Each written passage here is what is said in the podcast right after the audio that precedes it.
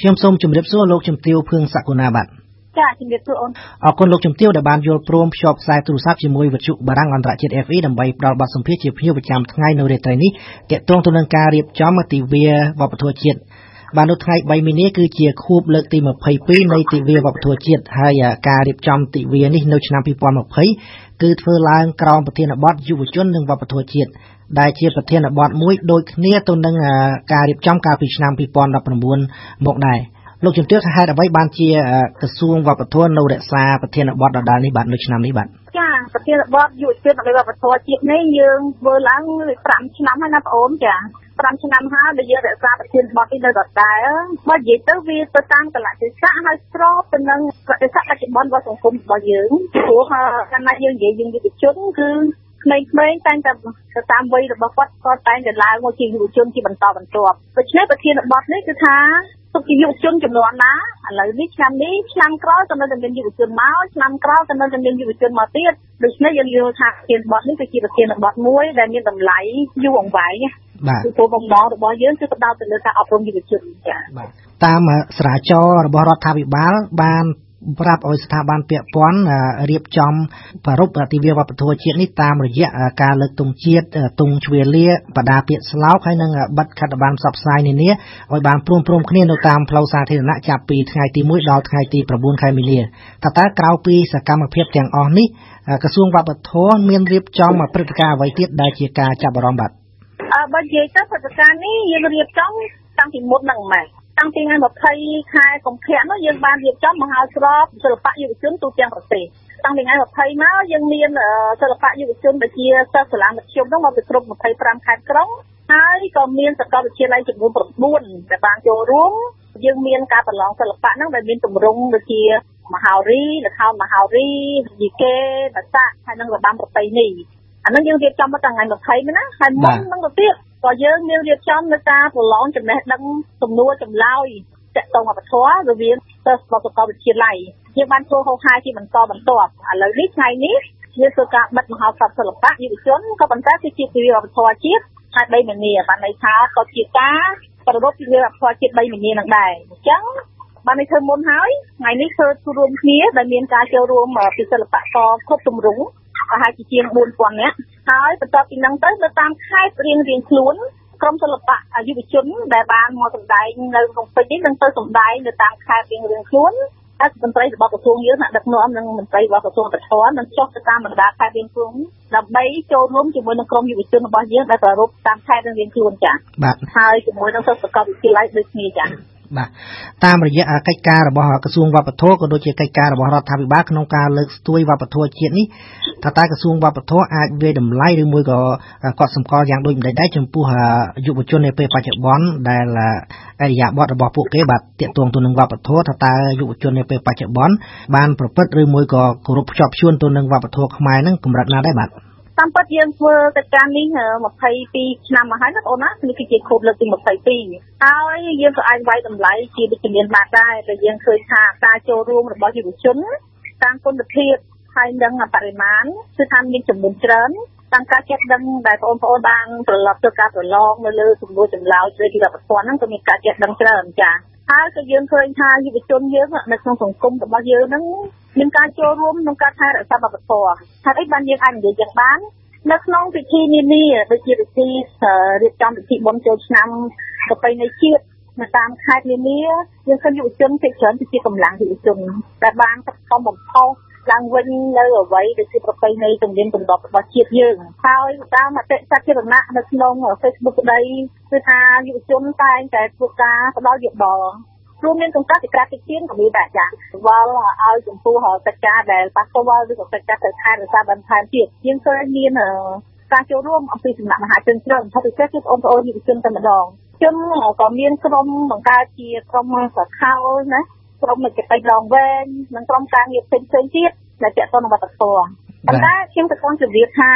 អ្វីទាំងអស់វាមិនមែន100%ទេចឹងស្នេះយើងក៏នៅមានយុវជនខ្លះមិនបានទាន់យល់មិនបានស្វែងយល់ដឹងអំពីវប្បធម៌របស់ខ្លួនច្បាស់លាស់អានេះគឺជាកិច្ចការដែលយើងត្រូវធ្វើទៅមុខហើយកិច្ចការត្រូវធ្វើទៅមុខហ្នឹងគឺយើងពឹងផ្អែកទៅលើយុវជនគ្នាឯងអញ្ចឹងជាវប្បធម៌ហ្នឹង ដែលមានការចូលរួមអំពីយុវជននិងសិល្បៈអក្សរនេះក៏ក្នុងបំណងដែរបំណងដើម្បីថាឲ្យបងប្អូនចូលរួមឲ្យបានច្រើនស្វែងយល់ហើយធ្វើការថែរក្សាបទពិសោធន៍ជាតិរបស់ខ្លួនឲ្យបានគង់វង្សម្យ៉ាងទៀតក៏ជាឱកាសនៅក្នុងការបង្កើតនៅ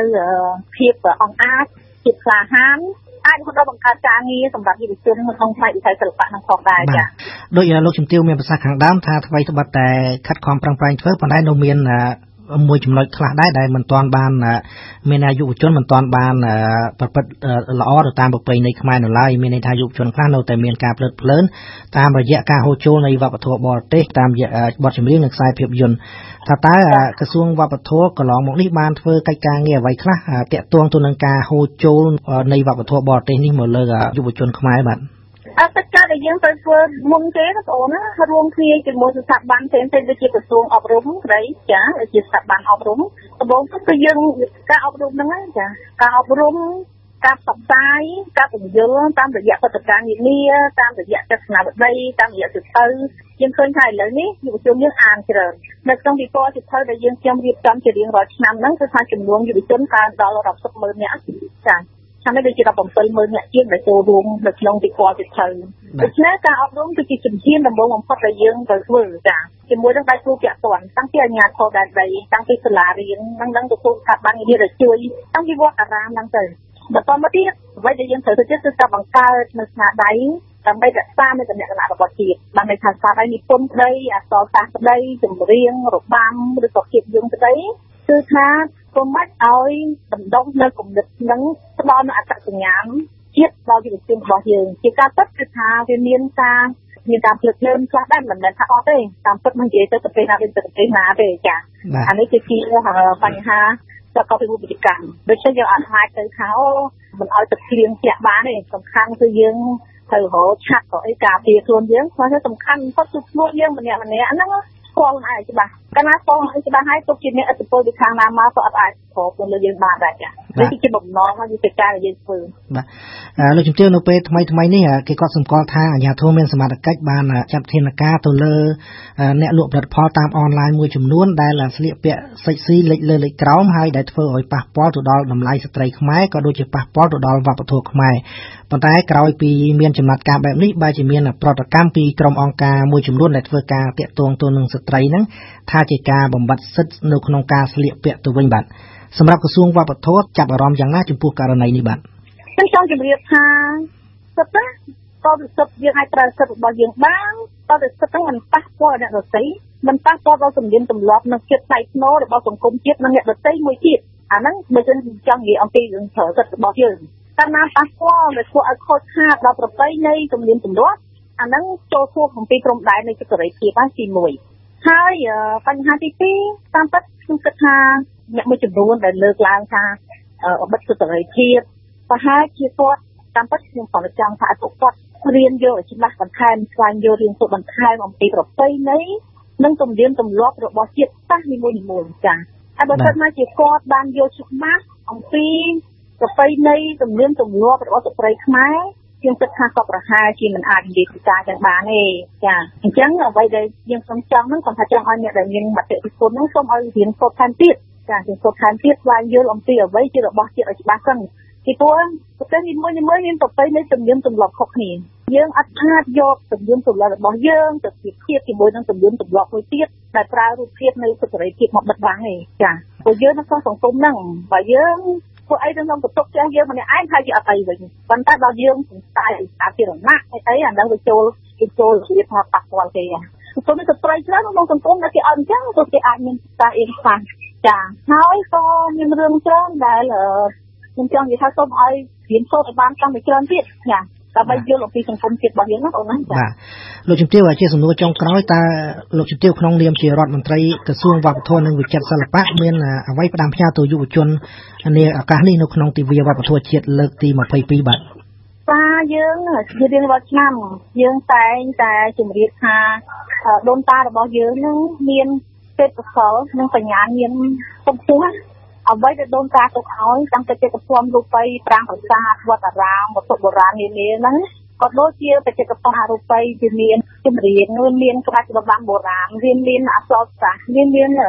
តម្លៃរបស់ការជំរឿនគ្រឿងចម្លាក់នានាតម្បាញសូត្រនានាទុកទៅជាបញ្ញាញាណដែលដូនតាទុកឲ្យដូច្នេះអ្នកណាដែលអាចថែរក្សាយូរអង្វែងបញ្ហានេះគឺមានតែយុវជនចំនួនក្រោយទេ